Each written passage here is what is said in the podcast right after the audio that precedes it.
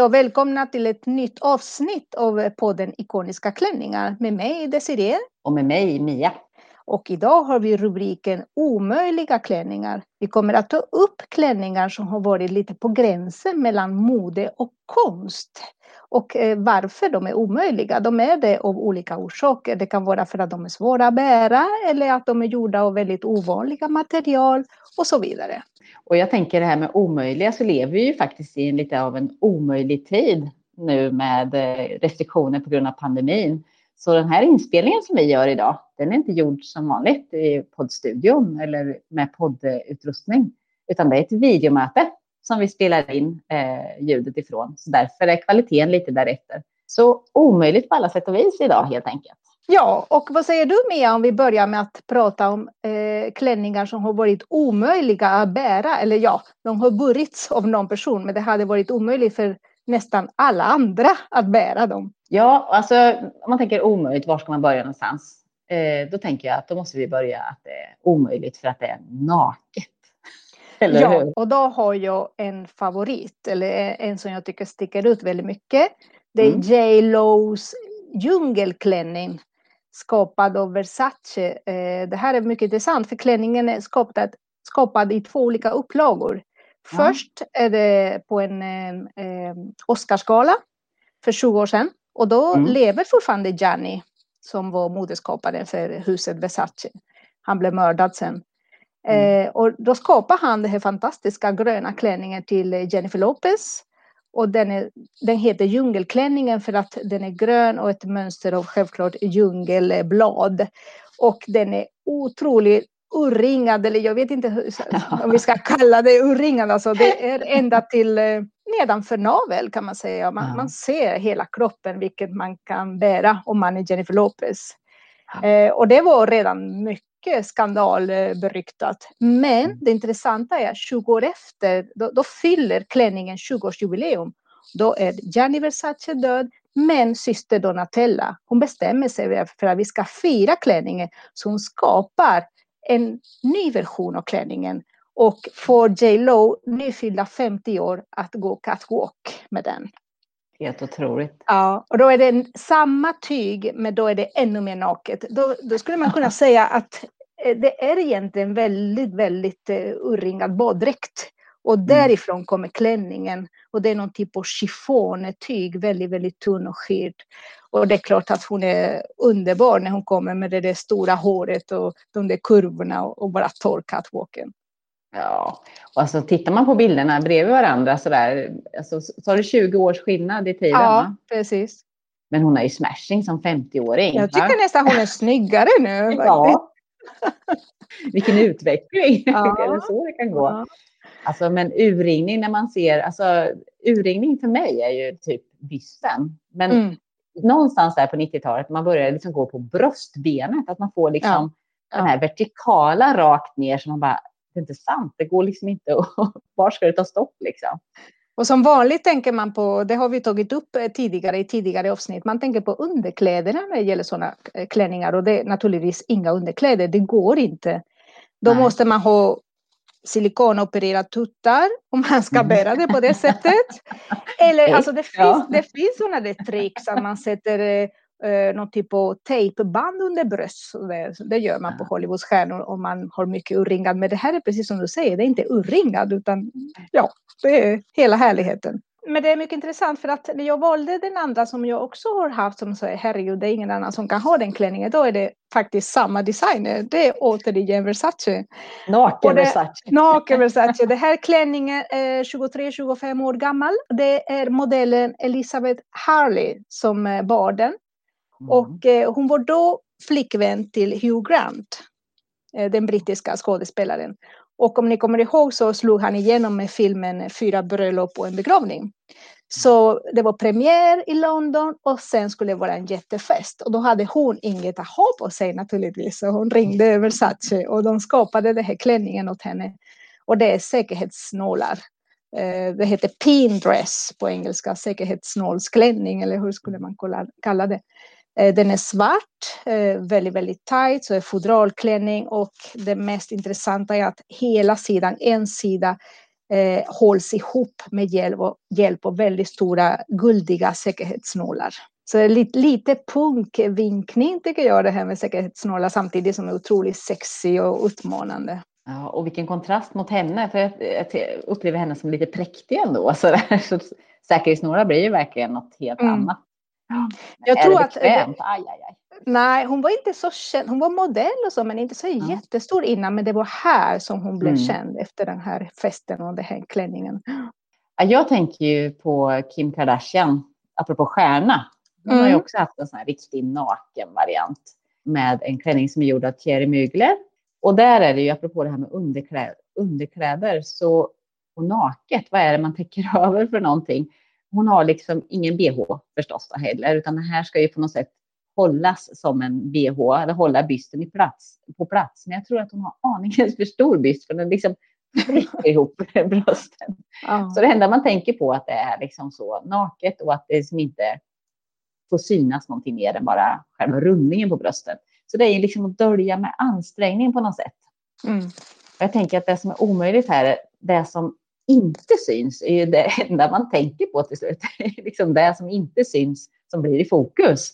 Nej, och omöjligt på det sättet också att den klänningen kan man bära enbart för att ta bilder, tror jag. Det är någon typ av, man, man får plåta klänningen men du kan knappt ja. gå och sitta utan att vara otroligt obekväm och riskera att bröstvårtorna kommer ut. Alltså, och stackars ja. bordskavaljer, liksom, vad blir det ja. för middag?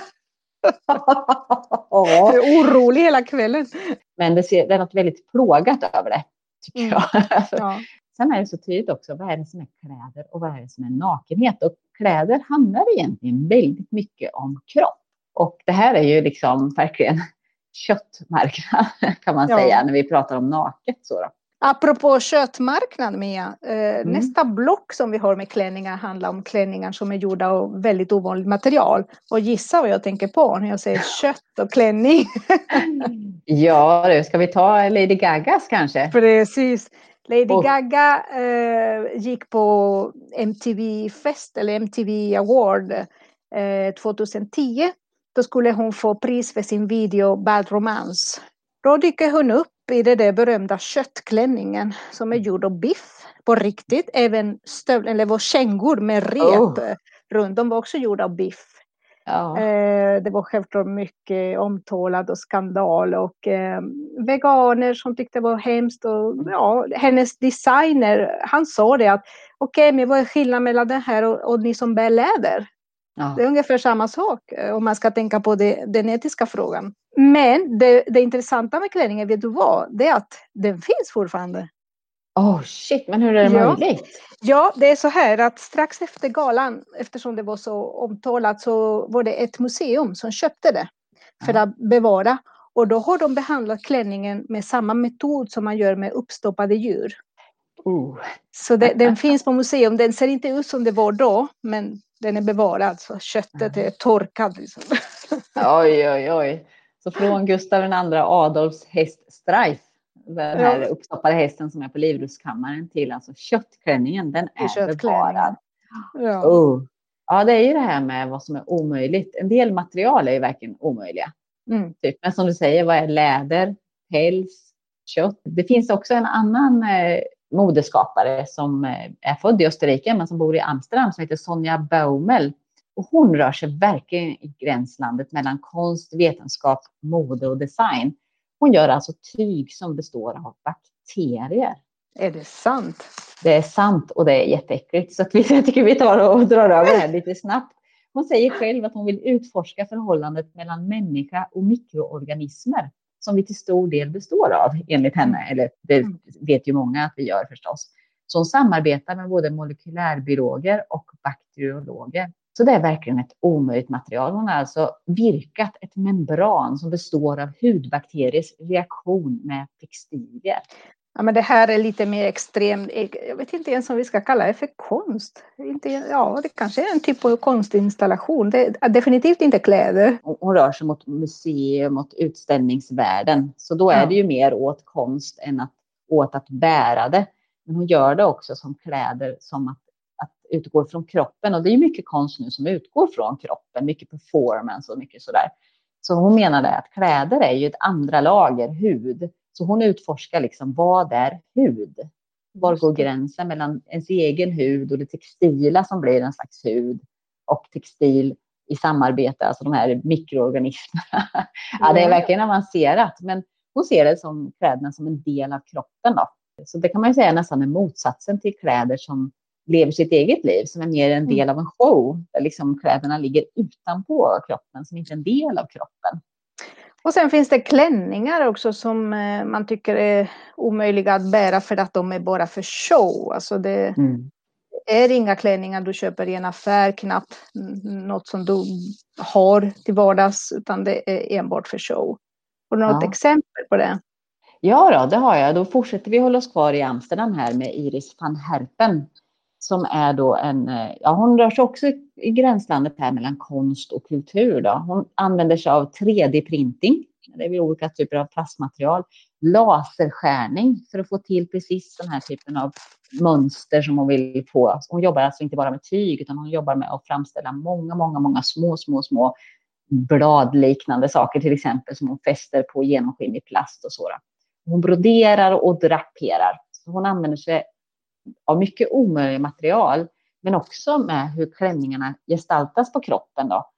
Det är alltså verkligen, nu har ju modet de senaste åren, det har ju gått mot mer performance och liksom, ja, uppträdande typer av eh, kläder eller klänningar. Men eh, hon, hennes är, hon kan liksom gestalta hur till exempel man tar en hink med vatten och kastar över någon och hur den liksom splashar sig över kroppen.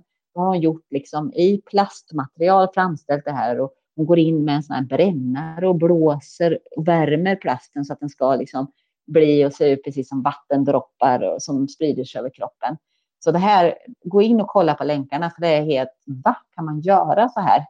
Det är mm. liksom helt jättehäftigt. Mycket organiska former, det är vatten, det är hur luften rör sig, det är jord och så.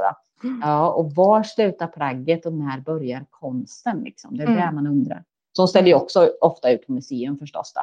Ja, jag tänker på lite mer jordnära klänning fast också omöjlig när det gäller eh, kläder för show.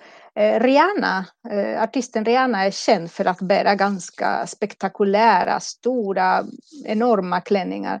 Mm. Hon har faktiskt flera att välja på.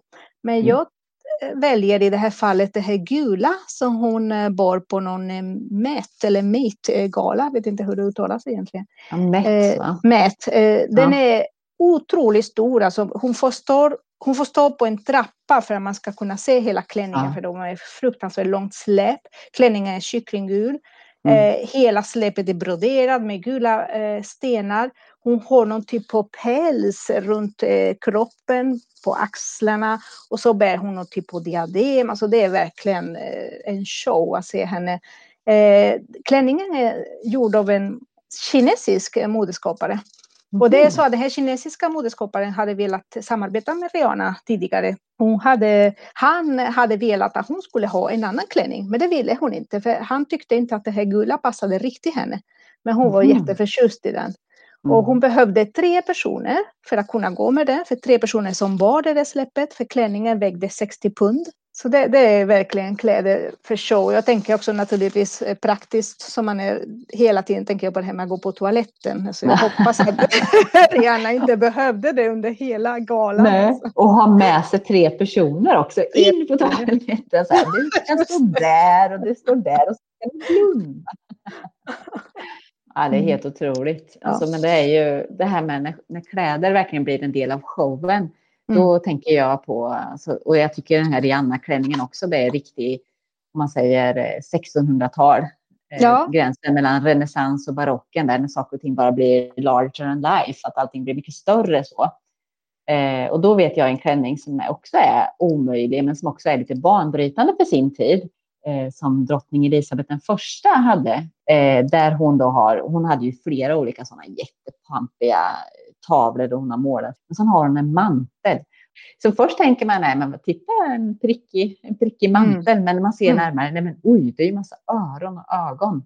Ja. Det här skulle på något sätt vara någon typ av Ja, det hade ett budskap. Eh, hon hade ju ett nätverk av spioner för att ha koll mm. på vad som hände i samhället. Det här var ju när staten växte fram. Då. Att det skulle bli lite påminda om att ja, just det, det här är regenten som ser och hör allt. Mm. Så till och med kläderna hade öron och ögon på sig. Titta gärna här, på länken för att det är verkligen speciellt den här klänningen. Ja, precis. Och den är ju omöjlig då på det sättet att om man jämför med hur det var innan, hon var lite banbrytande, så avbildar man mest för bildens skull. Mm. Det här är mer än ett porträtt. Helt plötsligt så pratar vi om tidig propaganda på något sätt. Att man ville mm. liksom lyfta fram olika element i målningen för att liksom ge en bild av mer. På ett sätt är det en väldigt avancerad selfie kan man säga. Alltså att jag vill kontrollera bilden av mig själv som kvinnlig monark. Då, och man har liksom kontroll över föreställningen på något sätt. Då. Så det här var, hon var banbrytande på det sättet, eh, mm. Elisabeth den första. Ja, för det finns klänningar som kanske inte är så mm, eh, ögonfallande idag, för nu har vi sett det mesta. Men på sin tid var det väldigt nytt och väldigt annorlunda. Mm. Och vad som är omöjligt också, om vi spolar många år framåt från 1600-talet, eh, så det här med nakenchock har väl varit en sån kvällstidningsrubrik, men det har ju också förändrat karaktär. Vad är det som är naket? Vi hade från J Lo som visar naven. Mm. Så tänker jag på en klänning som var lite omöjlig på sin tid. Lite av nakenchock, men också för att den ja, var lite olydig eh, i sitt sätt. Och det var när Lill Lindfors var programledare för Melodifestivalen, Europa Melodifestivalen alltså, 1985. Då hade hon eh, en klänning som när hon skulle gå in efter, det var under när de räknade röster, de höll på liksom ett lite långsamt moment. Då ville hon skoja till det lite. Så hon går in från sidan och när hon går så fastnar kjolen i dekoren och slits av. Så när hon kommer in så, är hon, så ser man bara benen på henne och sen hon, har hon några vita trosor och så överdelen. Då. Och hon står och får panik och liksom visar, visar nej, men bara halvbild liksom det här går inte. Och publiken sätter kaffet i halsen. Det var liksom, men vad gör hon? Men sen efter ett tag då tar hon och lossar från axlarna så tar hon loss små band på ena axeln och andra axeln och fäller ner först någonting som är en kjol på framsidan och sen är på baksidan som är slitsad i sidan. Då. Och det var Christer Lindar som hade gjort den här klänningen eh, och det mm. blev en kupp. De hade övat på den här. Ja. Det var det officiella ja. programmet. Och chefen för den här festivalen, han blev rasande. Så de gjorde om reglerna och sa att ingen får hitta på sån här hiss mitt i, utan det måste vara enligt generalrepetitionen. Ja. Ingenting förändras därefter. Men det var Men väldigt det... fyndigt och väldigt roligt att se. Jag har sett det på ja. Youtube nu i efterhand. Det var väldigt roligt, väldigt välgjort. Ja, och Lill hon sa det också att ja, men hon tyckte så här men människor behöver lite spänning i livet. Mm. Att det händer något som inte väntat. Det är vad människor längtar efter. Ja. Så hon, hon säger nu i efterhand, långt efterhand, att hon skulle absolut göra det igen om hon fick chansen. Och hon har också kvar klänningen faktiskt. Ja, vad kul. Hon var ju ja. lite då var hon banbrytande på sin sätt. Men nu känner man när man ser de där benen, man bara ja, naken. Ja. Nej, men nu, nu har vi sett allting så att uh, ja.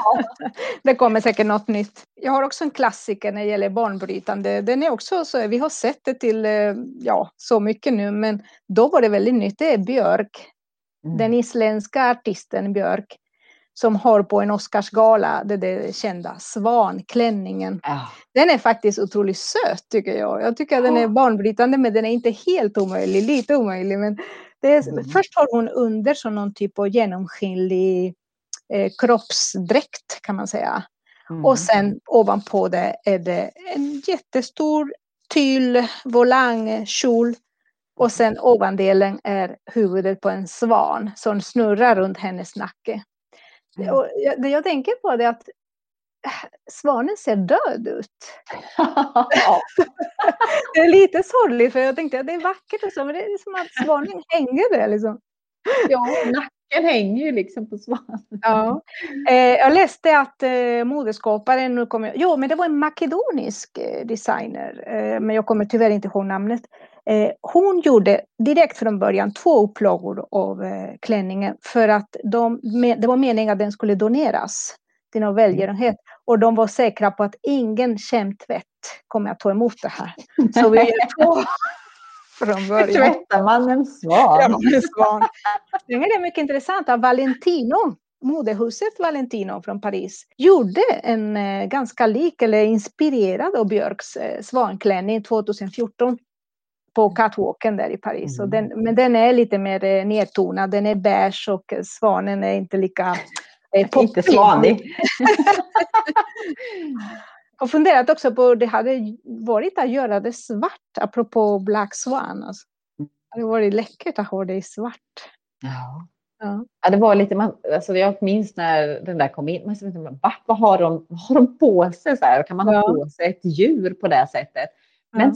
det har inte blivit så mycket efterföljare. Vi har inte sett liksom björnpälsar eller eh, typ med huvuden sådär. Det har liksom, hon var då.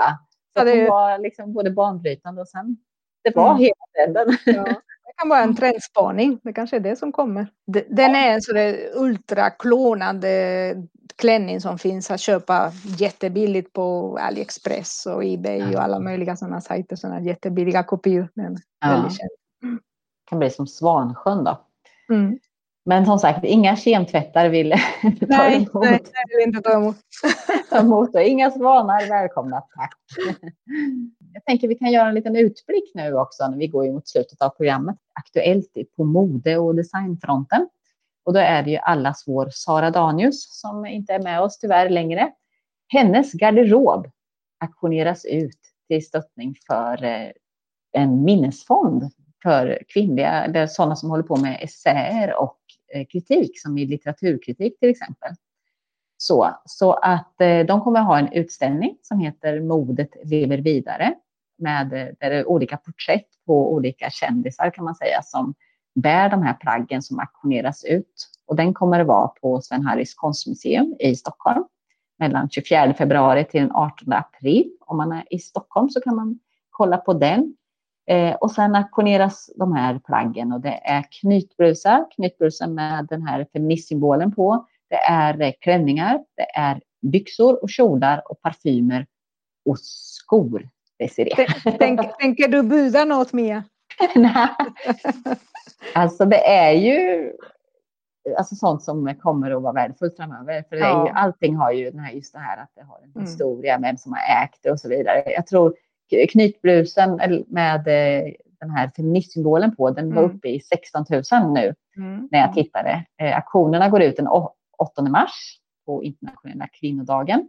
Mm. Får se hur mycket de har samlat ihop. Hittills idag, och idag pratar vi den 22 februari när det här spelas in, så har man alltså kommit upp i en summa av 244 000 wow. kronor. Ja, men jag tänker inte buda för att det blir det väldigt dyrt. Utanför din budget. ja, och sen så känns det som att det är jättebehjärtansvärt. Men jag skulle nog hellre vilja att de kom, man kunde ha någon typ av museum eller utställning. Och så. Mm. Men det var ett par jättesnygga Prada-skor i silver med lite mm. slingback, storlek 40. Mm. Ah, ja. Serier, lite för små för mig. Jag har faktiskt 41. Ja, okay. annars hade jag slagit till. Ja, för det hade varit någonting, tänker jag. Nej, så så är det med den i alla fall, mm. Eh, den utställningen. Ja, men då var vi klara för idag. Titta gärna på våra länkar. De här klänningarna, de eh, ska verkligen ses. Ja, verkligen. Det måste man ju mm. titta på. Och kom gärna med förslag om ni har något särskilt som ni vill, ni vill att vi ska podda om så mm. är vi jätteöppna för det. Eller andra kommentarer om det är någonting ni har lyssnat på som ni tycker är värt att säga någonting om.